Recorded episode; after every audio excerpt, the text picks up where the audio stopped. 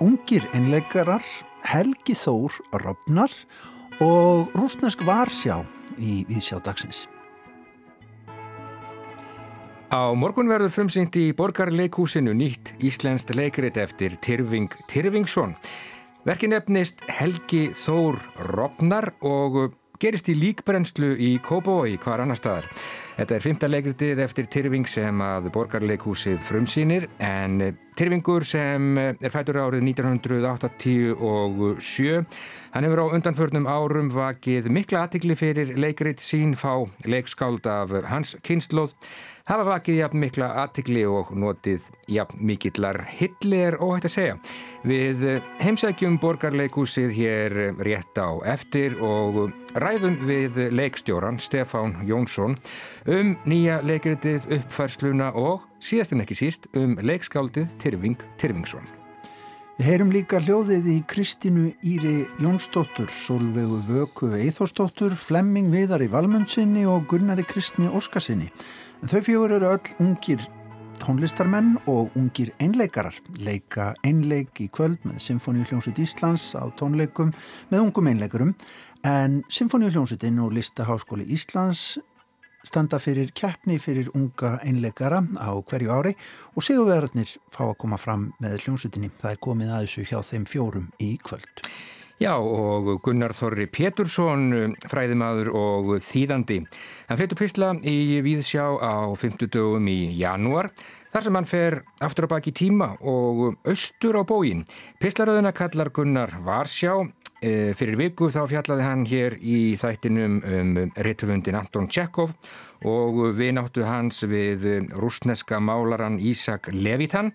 En í dag þá er Gunnar með hugan við heimsbyggingin Arnór Hannibalsson og dularfulla þýðingu sem hann gerði á verki eftir heimsbygging og huldumann í sovjesku samfélagi. Já, þetta er hljóma spennandi. Heldur betur. En við byrjum í leikhúsi, við byrjum í líkbrennslu.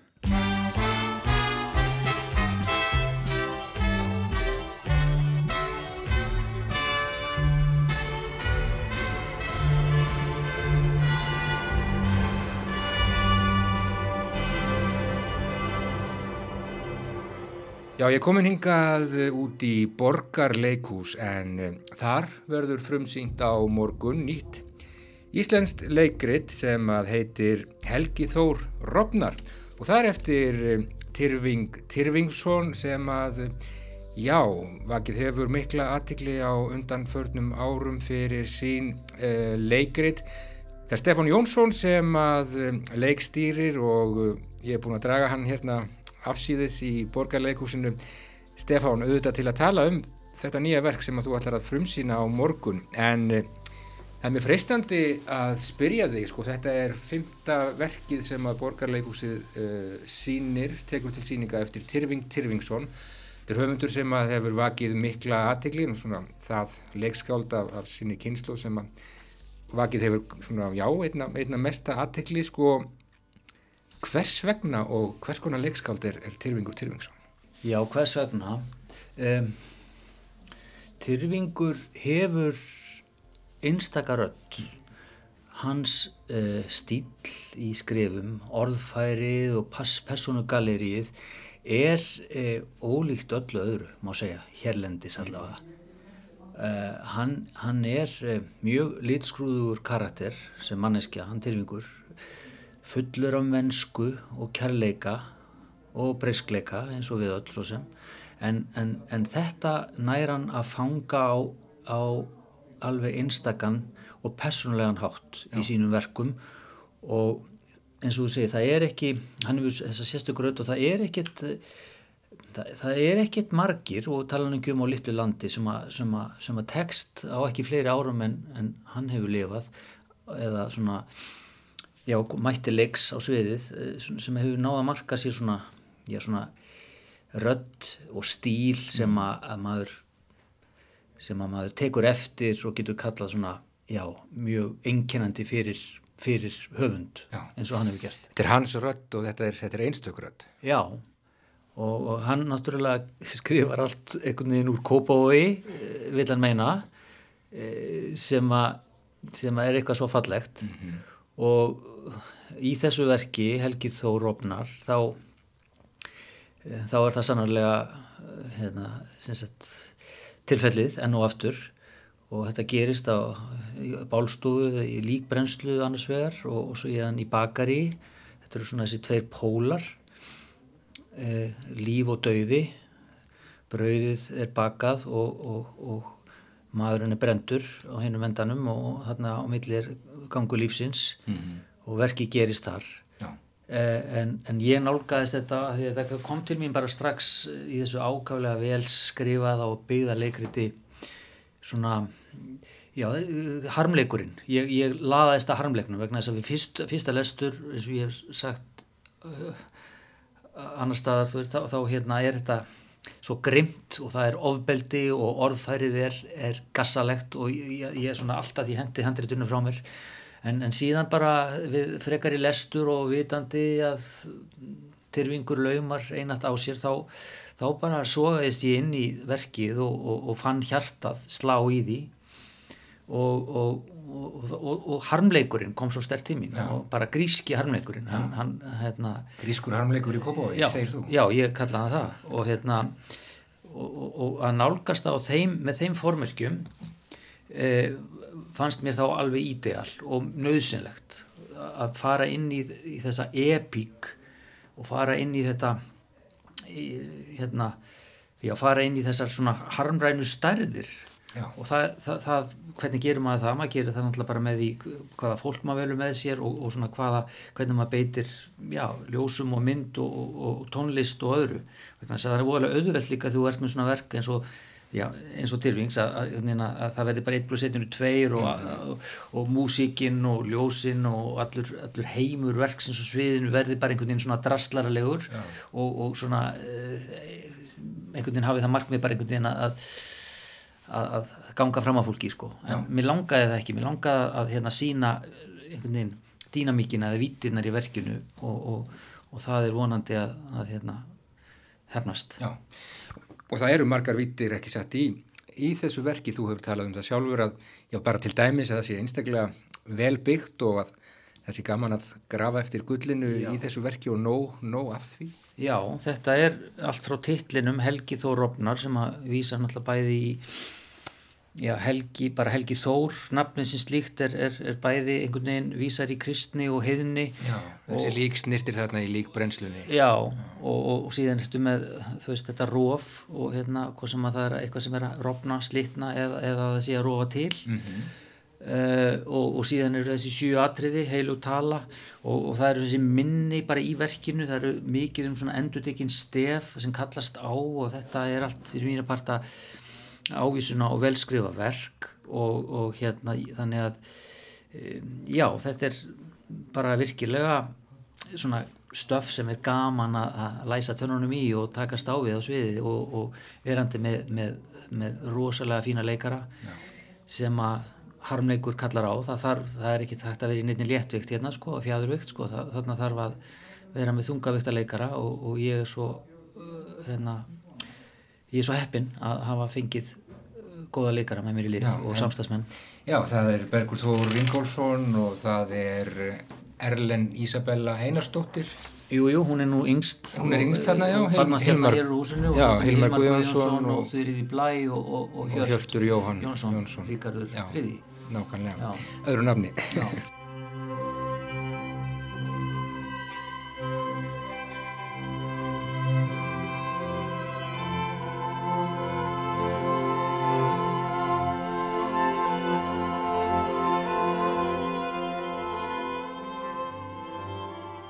En hérna svona hvaða, hvaða þemu er, er tilvingur að, að tækla í þessu verki? Þessi Helgi líksnýrtir, hann, hann þarf ekki satt að, að rjúa einhvern uh, uh, vítarring eða, eða brjótast úr einhverjum álögum?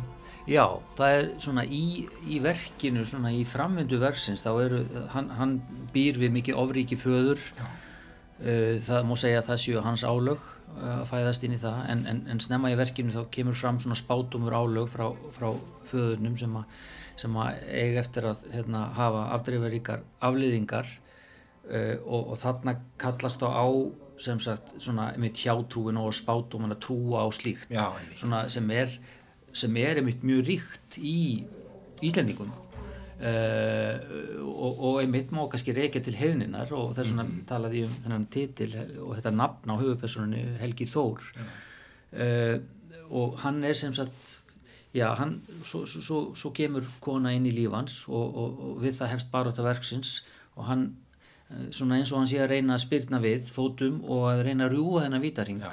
að láta ekki spátuminn eh, hérna, yfir sig ganga eða láta hann ekki rætast en, en á öðru plani og þetta blandast náttúrulega saman þá er þetta náttúrulega fjallarið um það að, að fæðast inn í inn í ofbeldi eða fæðast inn í ákveðna kringustæður þar sem að þú ert einhvern veginn brennimertur frá fyrstu tíð og það er komin álög á þig. Þannig að eh, og, og, og það einhvern veginn eins og við erum að hvert um sig einhvern veginn sérstaklega í nútímanum að reyna að takast á við öll, allt okkar tráma með því að fara til sálfræðings og, Mm. og fara á alls konar fundi í tólspóra samtökum að, og taland um það þá er, þá er þetta líka verkum meðvirkni Já. þannig að ég, ég vona að allir meðvirkir íslendingar sem eru flestir mæti á sýninguna Já, þetta er, við erum eiginlega bara komin í Íslendingasögundar. Þetta er einmitt það líka, eins og þú segir, það er gott að nefna það vegna þess að þetta er einmitt í talaðum gríkina en þannig eru líka þessir e, spádómar sem að við einmitt kom úr Íslendingasögunum sem að þú veist, einhver, einhver, einhver, er einhver, kasta fram og einhver gömur kettling kastar einhverju fram og það rætist svo og Losnar aldrei við það. já, já,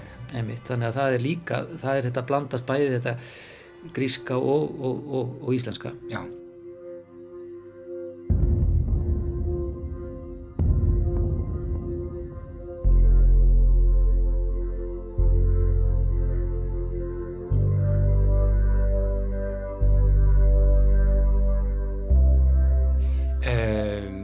Hvernig er fyrir þig eh, sem leikstjóra að, að fást við verki eftir Tyrfing Tyrfingsson? Þetta er gaman? Það er bara, eh, já, það er bara draumur í dós. Það er, hérna, við höfum þekst lengi, ég kend honum er þessi í listaháskólanum og okkur var strax vel til vina og höfum svona skap og húmór saman. Uh, hérna, þannig að það er mjög margt sem að, svona er engjandi fyrir hann sem að ég, já, ég má segja kannski er þekktu fyrir í minni svona mínum áherslum í, í, í leikúsinu sérstaklega sem leikstjóri þannig að hérna, það hefur bara gengið ótrúlega vel okkar samstarf og hérna, við smöllum saman og þegar mér var bóðið þetta þá, þá, þá stökk ég á það því ég er búin að vera hérna, í raun og veru býð eftir tækifærinu og, og við náum mjög vel saman og tölum alveg sama tungumál og, og skiljum hvern annan. Þannig að það er búið að, búið að vera virkilega skemmtilegt. Já, nákvæmlega. En þú segir að hann hafi algjörlega einstakar rödd, um, hann er frumlegur, hann er mm. fyndin, hefur mjög sérstakann húmor og beitir honum með mjög sérstakum hætti.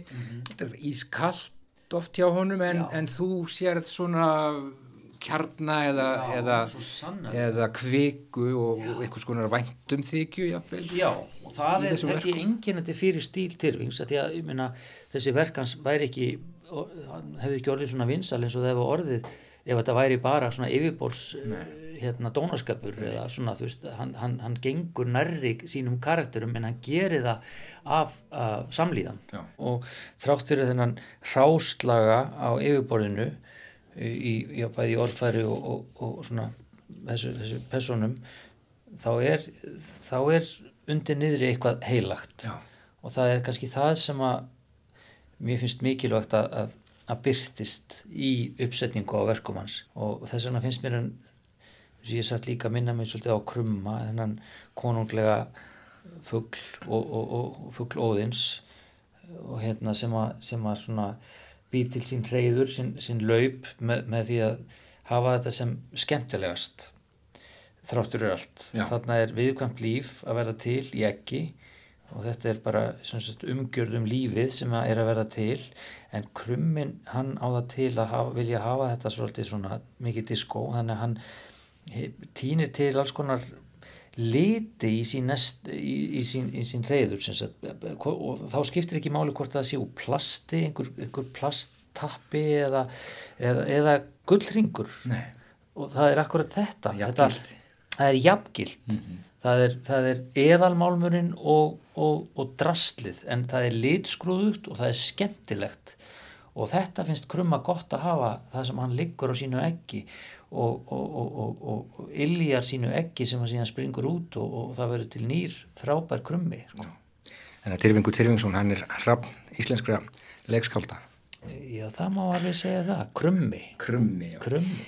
Uh, það var að fara að setja upp kartablu ædurnar eftir Tyrfing í uh, virtu leikhúsi í Hollandi veit ég og það er búið að selja réttin á þessu nýja verki sem að frumsýnt verður hér á morgun til þess sama leikhús. Uh, þú ert á þeirri skoðun Stefán að Tyrfingur Tyrfingsson hann eigi við okkur erindi. Heldur þú að hann eigi bara eftir að verða betri og betri? Já, ég held það ég, veist, mér finnst það að vera þroskast og mér finnst það alveg, ég allavega svona greini ég það og bara semst í þessu verki finnst mér hann vera alveg ótrúlega agaður í skrifum sínum og, og einhvern veginn verða fámælegri á þess að missa sín sérkynni og nú býr hann í Amsterdam Já. og ég veit að hann sækir þar sko listina alveg grimt og hún er nú hansi flott þar og meginlandinu ég veit að hann fyrir mikið í óperuna Eh, og, og, og svo er hann að skrifa og, og skreppur til Kanari reglulega til þess að skrifa það sem hann vist gott að vera á Gran Canaria með sin rækjukóttel og þetta er akkurat svolítið mikið líka tyrfingur, krummin á skjánum hérna, skítur á tánum. Hann, hann er þarna með heimslistina í bakarinnum og sækir stíft í hana en svo fer hann líka bara og hérna skrifar fyrir sitt publikum Já. á Kanari Nákvæmlega Sækir áhrif víða, uh, frumsýning í borgarleikhúsinu á morgun, Helgi Þór, Robnar eftir Tyrfing, uh, Tyrfingsson, ertu uh, spendur fyrir morgundeginum, Stefán? Já, ég er bara mjög spendur. Þetta er búið að ganga mjög vel og það hefur sínt sig að að að við erum bara, höfum verið í raun og verið með nokkuð tilbúna síningu, núna alveg í, já, örglaða viku ef ekki lengur, þannig að við erum að fórsýna alltaf þessa viku og viðbröðum sem við erum að fá á þessum fórsýningum eru lofa mjög góðu Já. og við erum að, horfa fólk grátandi og hlæjandi uh, í senn og það er akkurat líka dálitið sem er svona svolítið enginandi fyrir, fyrir auðbröðu verkum tilvings. Góðsviti og hljómar, hljómandi vel, grískur, harmleikur í Kópavogi í borgarleikúsinu á morgun. Ég segi bara takk kærlega fyrir spjallið Stefán Jónsson og gangir allt í hæginn. Takk. Takk fyrir mig.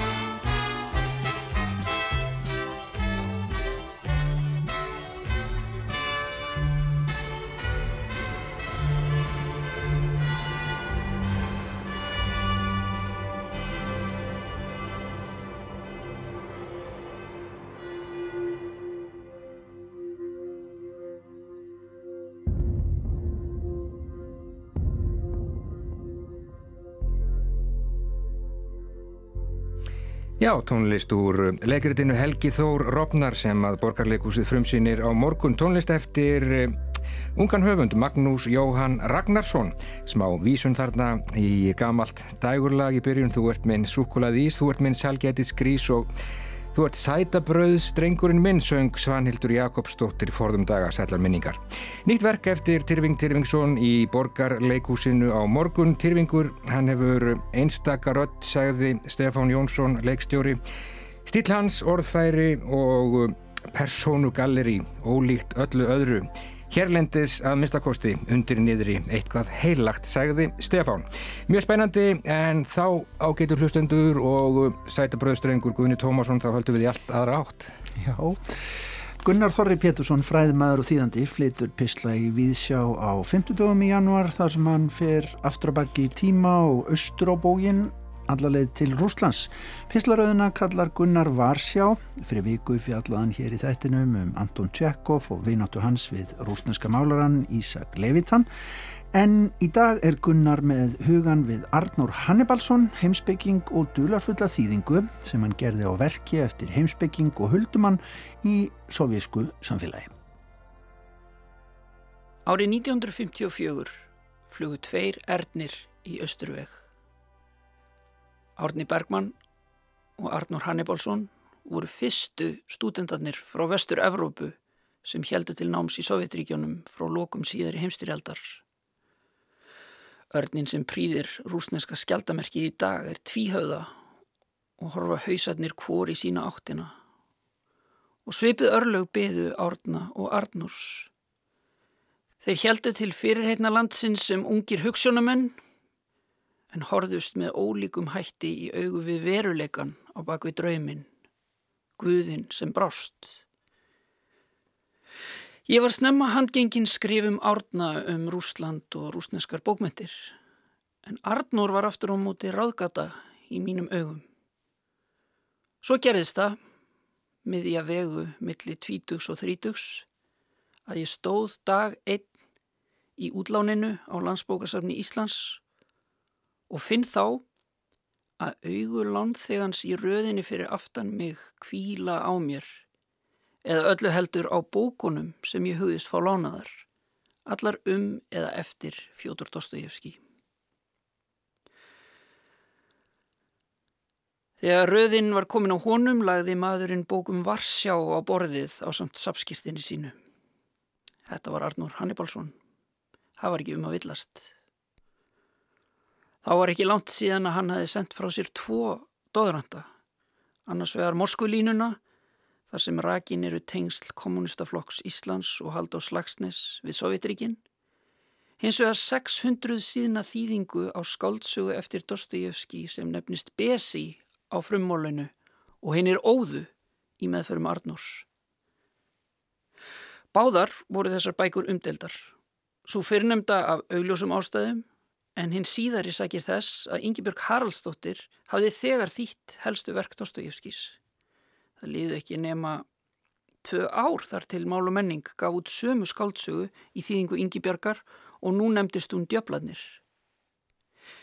Það að tvær þýðingar á sömu skáldsögunni skildi koma út nánast á sama tíma setti íslenska bókmenta heimin í nokkurn vanda skrifar Eirikur Guðmundsson í bóksinni Undir himninum. Vanda bætir hann við sem listur var með því að þeia yfir þýðingu Arnárs en hampa þýðingu Yngibjörgar. Og hafði ekki viðbrögð við sögurskoðun Arnárs verið á sömu lund? Spurði ég sjálfan mig.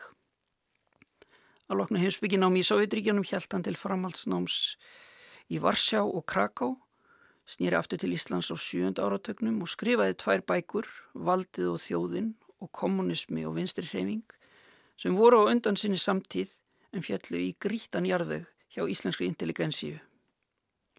Að loknu doktorsprófi í heimsbyggi frá Edinborgar háskóla stundaði Arnur síðan kennslu við Háskóla Íslands og var hann algast eftirleina aldurinn þegar að fundum okkar bar saman á landsbókasamnu. Mörgum árum síðar vaknaði ég upp með andfælum og myndist samtalsins við Arnór. Ég hafi verið með bókum Dostojevski í smíðum þegar við hittumst við útlánsborðið og uh, hann hafi orkað á mig eins og persóna upp úr sögu eftir rúsnenska skaldægjufurinn. Það var nóg að hugsa til þessara fránegu augna sem horfið rannsakandi á allt sem fyrir þeim varð en voru að samaskapi mistruð, eflaust síkt af gláku eða öðru meini og myndi fyrir vikið á fullt tungl á skýjuðum morgunhimni. En svo höfðu árin liðið og bókinum Dostojevski var orðin að steinbatni í maganum á mér og nóttina sem ég vaknaði upp með andfælum var mér hugsað til útlendingsins dölafulla sem byrtist við patriarka tjarnir í upphafi Mistarans og Margarítu eftir Mikael Bulgakov. Það var svo margt sem Arnur hafði sagt undir rós. Hvað hafiði heimsbyggingurinn til dæmis átt við þegar hann hvaðst vera þýða bók eftir sovjískan fræðimannum áhrif þíska heimsbyggingsins Immanuel Kant á Dostojevski? Þegar mér tókst ekki að skrifa bókum Dostojevski hafði ég leitað hugunar í bók sem að nefndist Vandin í skáldskapalist Dostojevskis eftir Mikael Bakhtin. Bakhtin lýsir skáldsugum Dostojevski sem margarata og svo greining kom heim og saman við upplifun mína á verkum hans. Ég var langt komin með hundra sína reitgerðum Bakhtin og rætur hans í heimsbyggi Kants. Ég var meira segja að farin að þýða bók Bakhtins um Dostojevski. Þegar orð Arnors rivjuðustu fyrir mér. Voru við að þýða sömu bókina? Hvað myndi hinn íslenski bókmynda heimur segja ef vandin í skáldskapalist Dostojevskis kæmi út í tveimur mismunandi þýðingum. Það var á seint að grenslast fyrir hjá Arnóri. Hann lést í árslokk 2012, þá 78 ára gamall. Arnór let landsbókasafninu í tíu mikið magn bóka og gagna en þar á bæ kannæðist engin við útgefið eða óútgefið handritað bókum Dostojevski og Kant. Hver var þessi dulafulla bók? og hvar var hún niður komin? Lóks þegar að sannleikurinn kom í ljós, trúði ég vart eigin augum. Skömmu fyrir andlatið hafði Arnur gefið út á eigin kostnað lítið hver eftir Jakob nokkun Golosovker, huldumann sem enn er lítið þektur, meira segja innan rúsnesks fræðasamfélags. Golosovker og Bakhtin voru samtímamenn og líkindin með þeim eru sláandi. Báðir voru handteknir á þriðja áratögnum en sluppu við hreinsanir Stalins með ævintýralegum hætti.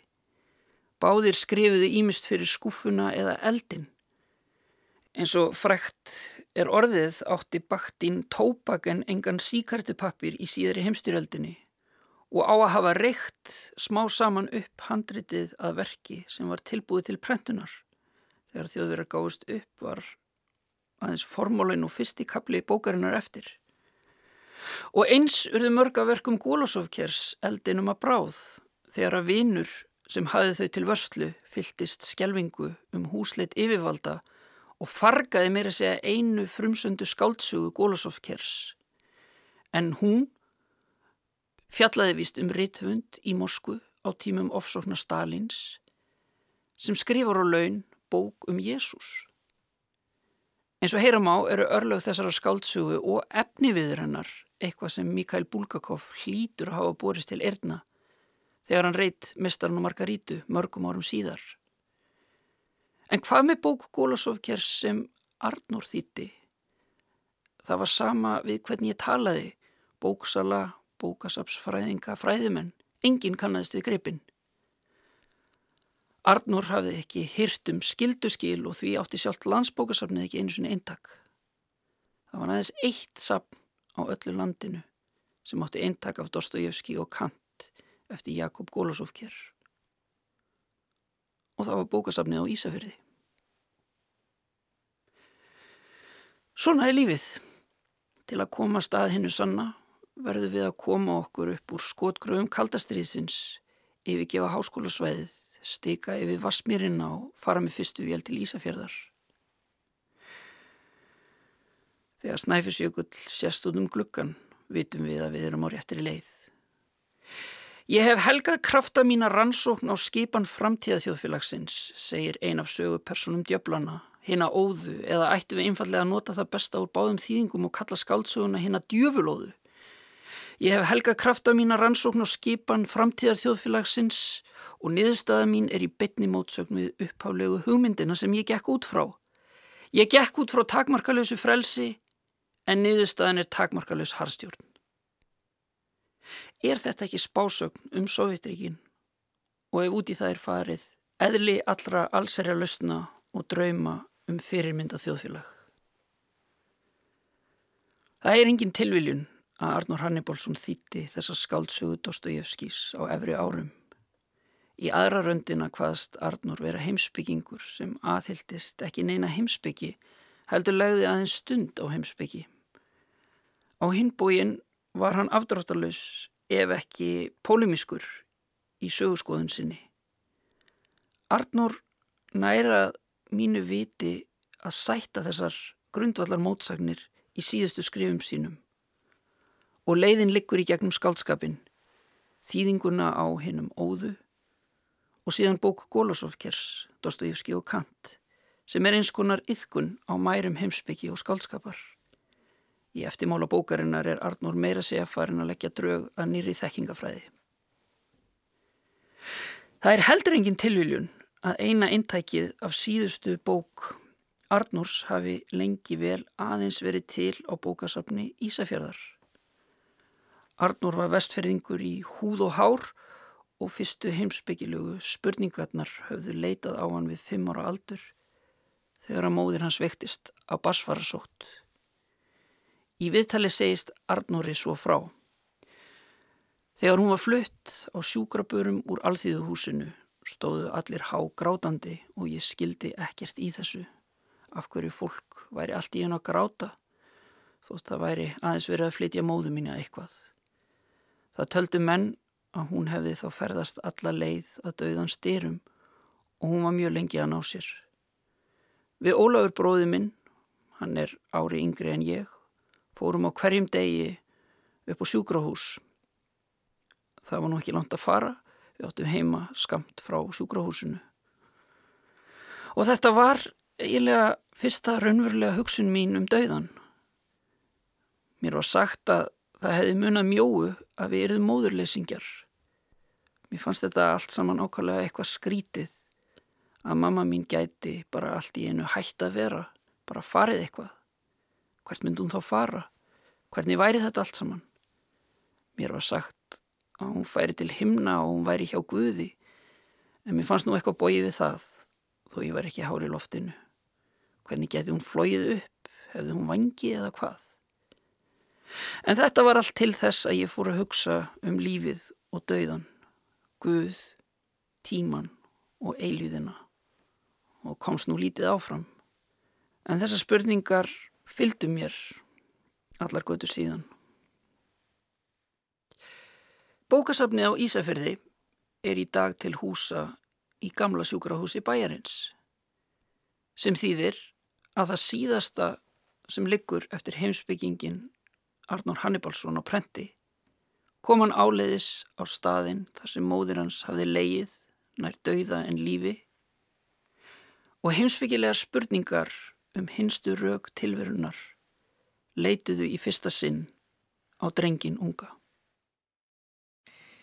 Já, þetta sagði Gunnar Þorri Pétursson, fræðimaður og þýðandi. Hann flutti hérna annan pistil í pistlaröð sem að hann nefnir Varsjá og er á dagskrá hjá okkur hér í Víðsjá á 50 dögum í janúar.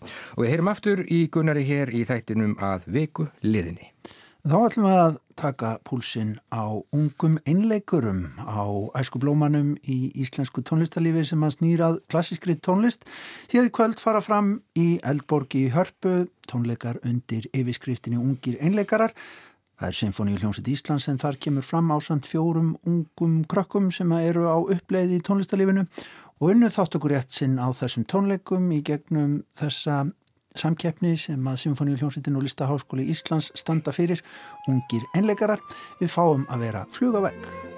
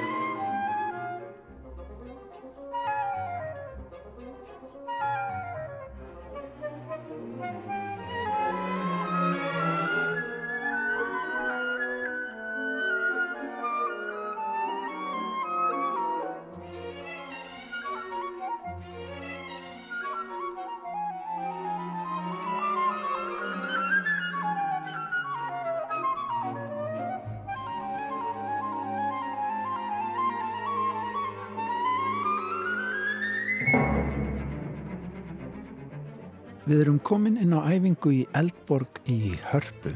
Það er Kristín Ír Jónsdóttir, ungur þverflötuleikari sem er að æfa með Symfóníu hljómsveit Íslands, einleikspartin í flötukonsert eftir franska tónskaldið Sjakk í Ber. Verkið er eitt þeirra verka sem að verður flutt á tónleikum sveitarinnar í kvöld undir yfirskriftinni Ungir einleikarar. Auk Kristínar koma fram með sveitinni Solveig Vaka Eithorsdóttir, fiðluleikari, Flemming Viðar Valmundsson, harmonikuleikari og Gunnar Kristinn Óskarsson, trompetleikari. Solveig leikur einleiki í fiðlukonsert nr. 1 eftir Max Bruch, Flemming Viðar einleikin í Spur, harmonikukonserti Arne Nordheim og Gunnar Kristinn einleikin í trompetkonsert í Astur eftir Alexander Arutían. Ríkisútvarpið hljóðuritar flutningverkana, það er Anna-Maria Helsing sem að stjórnar symfóníu hljómsutinni en tónleikarnir verða fluttir á dagskrár ásæri 1 með hækkandi sól, nánar tiltekið á fyrsta sumardegi. Fridrik Margreðar og Guðmundsson hefur verið að sniglast í hörpu undanfarnar daga, hann tók einleikarna tali og við hér við sjá fáum að njóta. Já, uh, ég heiti Kristín Ír Jónsdóttir og ég er 21 árs og ég er búsett í Kaupmannahöfn og er að stunda þarflutinum við konunglega konservatóri þar. E, er það rétt skiljað mér að þið eru þá þrjú hérna úr, úr konunglegu konservatóriun í Kaupmannahöfn? Já, og við vorum alveg held ég sjö eða átta úr skólanum sem fórum í pröfspilið, eða sem sagt keppnina. Þannig að við erum alveg frekar mörg þarna saman.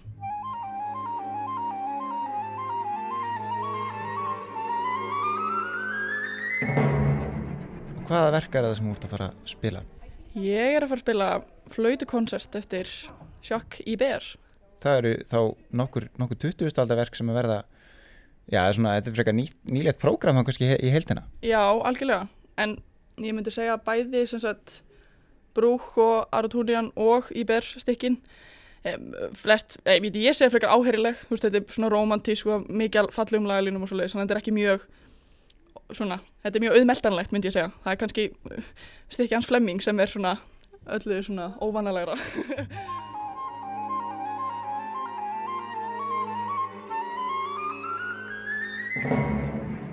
Og af hverju, af hverju valdir þetta verk? Þetta er bara stykki sem ég hef þekkt í svolítið langa tíma og, og bara finnst óbúslega skemmtilegt og það er ótrúlega gaman að flytja það, þetta er bara frábært koncert öllu leiti, finnst mér. Þannig að ég ákvaði að fara með eitthvað sem ég finnst skemmtilegt í keppnina. Ég tók þetta fyrst upp þegar ég var ennþá í tónleiskólanum og fór með það í svona aðra einleikarkeppni þar sem ég vann reyndar ekki en þá var ég aðeins búin að þú veist kynast verkin og vinna það svolítið fyrir svona þessar aðstæður og tók það sérna aftur upp núna í sumar og bara, jú, þetta er búin að fylgja manni lengi en það er bara gott að það velja stikki sem maður verður ekki þreytur af, það, getur alveg gæst Já, og hvernig er búið að vera núna í vikunni að koma inn í hörpu og spilta með hljómsveitinni, er þetta mikið stress eða er þetta bara spenningur? Um, þetta er um, allan hjá mér rosa mikið stress. En bara um leiðum að stegur á sviði í gær og byrja að spila með hljómsveitinni og fann svona stuðningin og bara svona heyrði þetta allt svona lifna við af því maður er bara búin að spila þetta með pianói sem er náttúrulega bara svona reduction af þú veist hljómsveitapartinum. Þá var þetta bara svo skemmtilegt og maður fór svo mikinn fíling að maður er bara aðeins meira spenntur held ég. Þú ert að nota já og því blásarar nota, nota lungur mikið og, og blása er verður maður þreyttur í svona svona verki undir, undir svona álægi eins og það er kannski að vera einleikari? Er þetta þreytandi? Já, ég myndi segja það. Þetta er svona ég, ég myndi segja persónulega því að þetta reynir svo mikið á veist, andlegu hliðina sko. þú þarf að vera ótrúlega fókuseraður en sér er þetta líka eitthvað fysiskt um, og svona reynir á marga veist, mismunandi þætti. Þannig að jú, þetta, þetta, þetta verður þreytandi. Ég gæri eftir aðeinguna kom ég hingað inn og bara gerði ekki neitt sko, ég var alveg búinn. En já, bara samt alveg gaman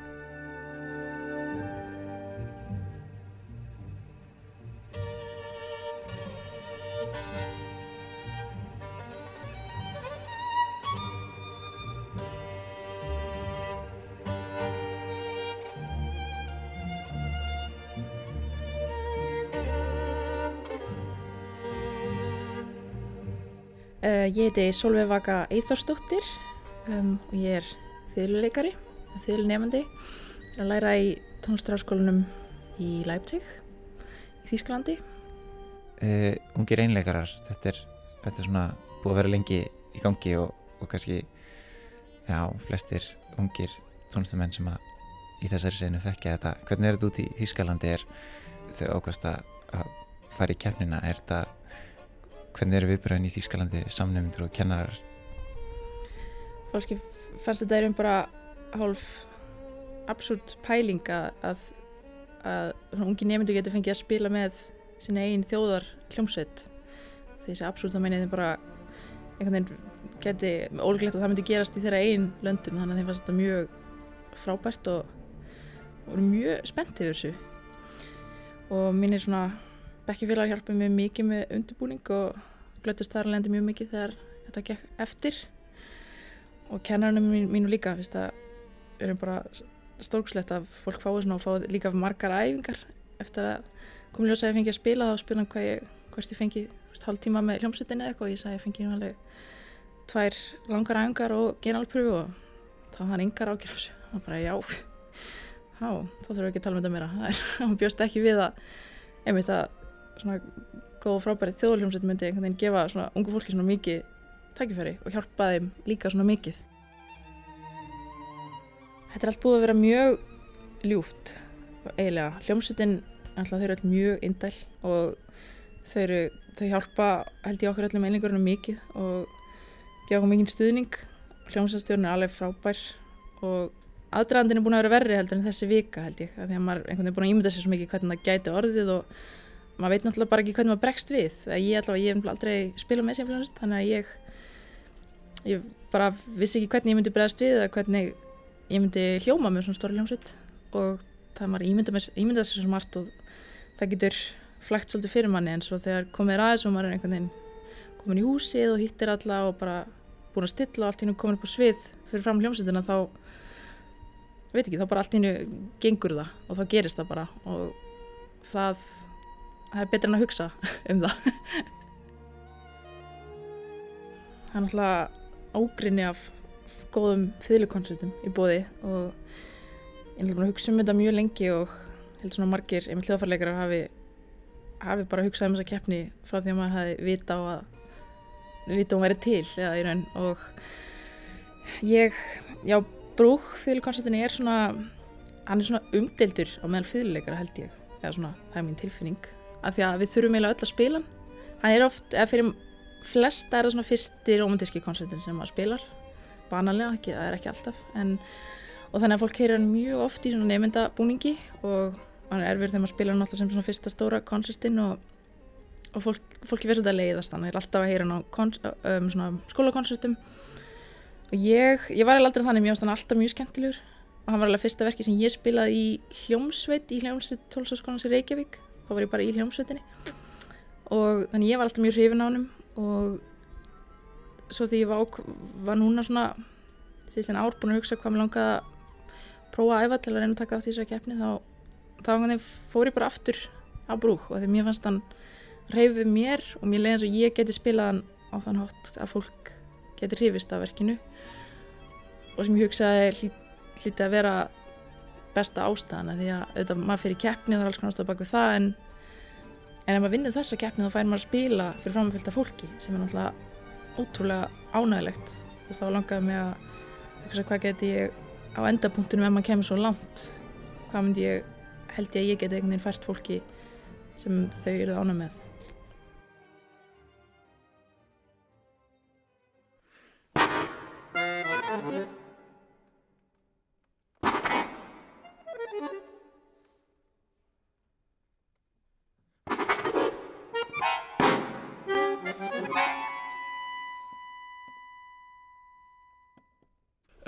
Flemming Viðar, ég er harmoníkuleikari.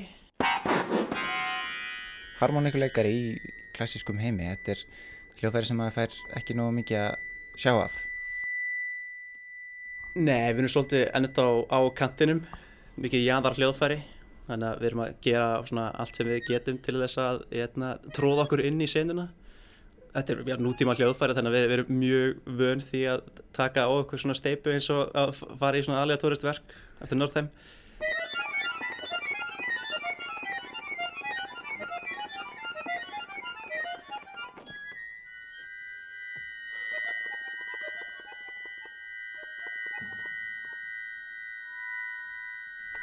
Það verist vera mikil gróska í, í harmoníkusunni á Íslandi. Er það rétt? Hva, og hvað veldur því? Uh, hvað veldur því er mjög góð spurning þetta var bara, ég held að vera hópur af krökku sem hefur byrjað í námi svona upp úr aldamótum og svo þú veist, sumi sem hafa bara ekkert hægt uh, það eru sumi, kennarinn minn, hann hefur hérna útskrifað eitthvað fjóra með framhalspróf og sko einhver svona krakkar, ég er tónskóli í Grafavogi sem er bara svona fyrst ás fyrirnemar annars ás og svo hérna er bara þetta viðundir þátt í hotninni Guðmundur Samuelsson sem að einmitt hérna útskæfiði þetta marga, tók alla þessa leið. Það er mörgum sem finnst þetta skrítið að þetta sé svona mikil gróska og allt svona á sama tíma einhvern veginn. Þetta er ekki það sem hann hefur búist við af kultúru uppbyggingunni á Íslandi. Harmoníkan alltaf séð sem þetta júmp hljóðfæri þú veist, gömlu dansanir og þú veist, hérna, sem að deyir bara út eftir, eftir komið býtla við aðhengarnar og hérna, svo er þetta bara gömlu kallanir, ég er alltaf þegar ég kynni mig sem harmoníkuleikara, svona já, afið minn spilar eða langaði minn spilaði alltaf, það er alltaf svo tenging og alltaf þessi gleðið nostálgíja og svo komum við og spilum þetta röggl og svona, svona breytum aðeins ásýndinu á myndinni sem, sem betur fyrir að virka, virðist vera, þú veist, maður er komin hérna á svið í Eldborg að leika þetta fyrir opnum eirum og áhugaðsumum þannig að ég hlaka bara mikið til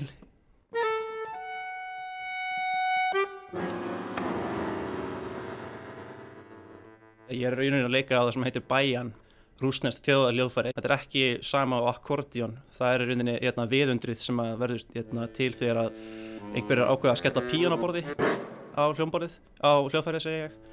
En hérna senanin í rauninni byrjar með gæjanum sem þetta er samið fyrir þetta verk, hann Mogans Ellegord hann var bara hérna, danskur skemmtikraftur sem að spilaði á þetta skrítna hljóðfæri með, með tökum báðum einn og enginn skildi hvernig gæti hérna, veist, leikið á þetta eins og horfa neitt og bara, veist, kom fram í sjónvarpi og var bara veist, litli jókerinn eitthvað. En hann skipti svo bara algjörlega um stíl og fór að reyna að auðga hérna, repertórið fyrir hljóðfærið. Og hafði þá samband við að spilaði fyrir alla og reyndi sitt besta til þess að koma, hérna, koma fót einhverju svona klassísku sinni, klassísku skilningi á hljóðfærið og meðal þess að mann vann með Nordheim sem hann kynnist, hann spilaði í tríói þar sem hann túruði saman Nordheim og Ellegord og fleiri. Og þá verður til þessi konsert. Veist, þetta er samið 75, þetta er mjög snemma í reyninni á, hérna, á æfisögu hérna, klassiska harmoníku. Þá er það í rauninni bara hann sem að byrja senuna í Skandinavíu og hérna í rauninni í norður Evrópu, það eru margir sem að kalla sko fadir klassiska harmoníku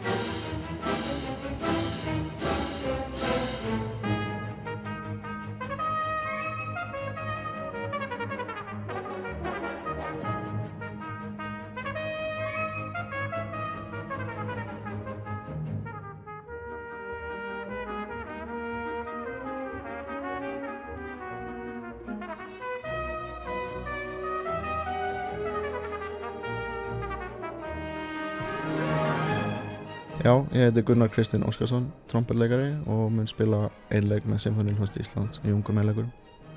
Já, ég byrjaði að læra á trompet þegar ég var 7 ára hjá skólinhosti Östubæðar og var þar undir leðisög Bjarnar Guðmundssonar og Odds Björnssonar sem eru hafa báði leikið með Symfóníinu og Oddur ennþá og mun spila á morgun með mitt, skemmtilegt. Svo lág leiðin í tónlistaskóla Reykjavíkur þar sem að ég lærði undir leðisög Eiríks Arnar Pálssonar og Áskeir Stengriðssonar en þeir hafa báður og Eiríkur leikur nú með symfóníunni um, Eftir það lág leiðin til Kaupmannafnar en þar er ég núna á öðru ári og líka vel. Hver er þín sín á, á trompetin í klassísku tónbákmyndunum? Já, ég kannski er svona, ég hallast mest að barokkinu eins og er Uh, það er svolítið nýtt hjá mér kannski, ég var, veist, það er náttúrulega Mahler og, og Bruckner eru svona kannski góða sagninar fyrir brassleikara. Uh, Sömmulegis rúsnesku Tchaikovsky, Sjostakovits, Mussorgsky og það er alls konar svona sem við fýlum að spila en, en svona sem sem einlegsljófari og, og svona virkilega sem stendur á sínu er barokki kannski svona það sem maður getur litið mest til með Bach og, og Vivaldi skrifaði nú eitthvað fyrir þetta hljófari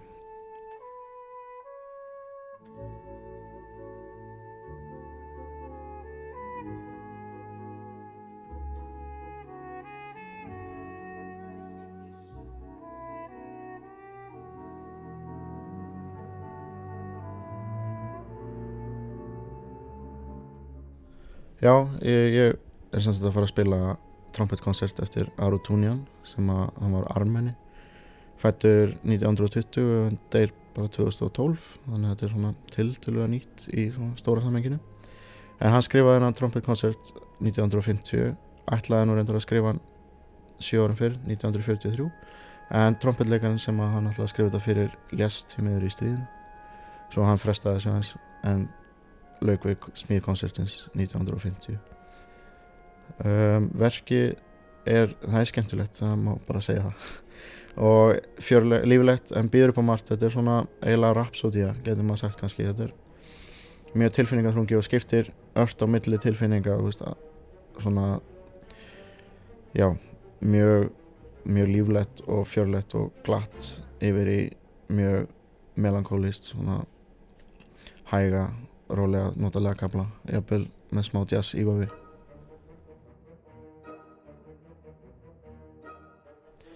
býður upp á margt þetta verk og, og það er mjög fínt að geta svona kannski komið áhörundum ávart með snöggum svona blæbriðaskiptum bara spenntur fyrir, fyrir tónleikunum og, og hérna og stressið allt farið? Já, ég held að bara spenningur kannski frekar aldrei stress sem að er bara jákvæmt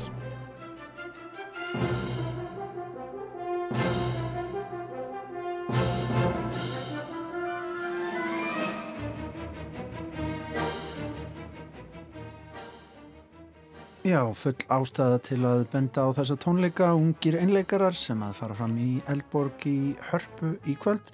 Við heyrum þarna í einleikurunum ungum og það var Fridrik Margreðar og Guðmundsson sem sendi okkur skýslu og rétt að benda á það að hljóðrutun sem gerð verður í kvöld verður leikin á fyrsta sumardegi eins og lögir að ráð fyrir hér á Rás 1. Nákvæmlega en við erum komnir á leiðarenda í dag verðum hér aftur á þriðju dag uh, löst eftir klukkan fjögur minnum á úrval úr viðsjárþáttum þessarar viku á dagskrá hér á Rás 1 klukkan 14 klukkan 2 á sunnudag en við segjum þetta gott í dag. Verðið sæl. Verðið sæl.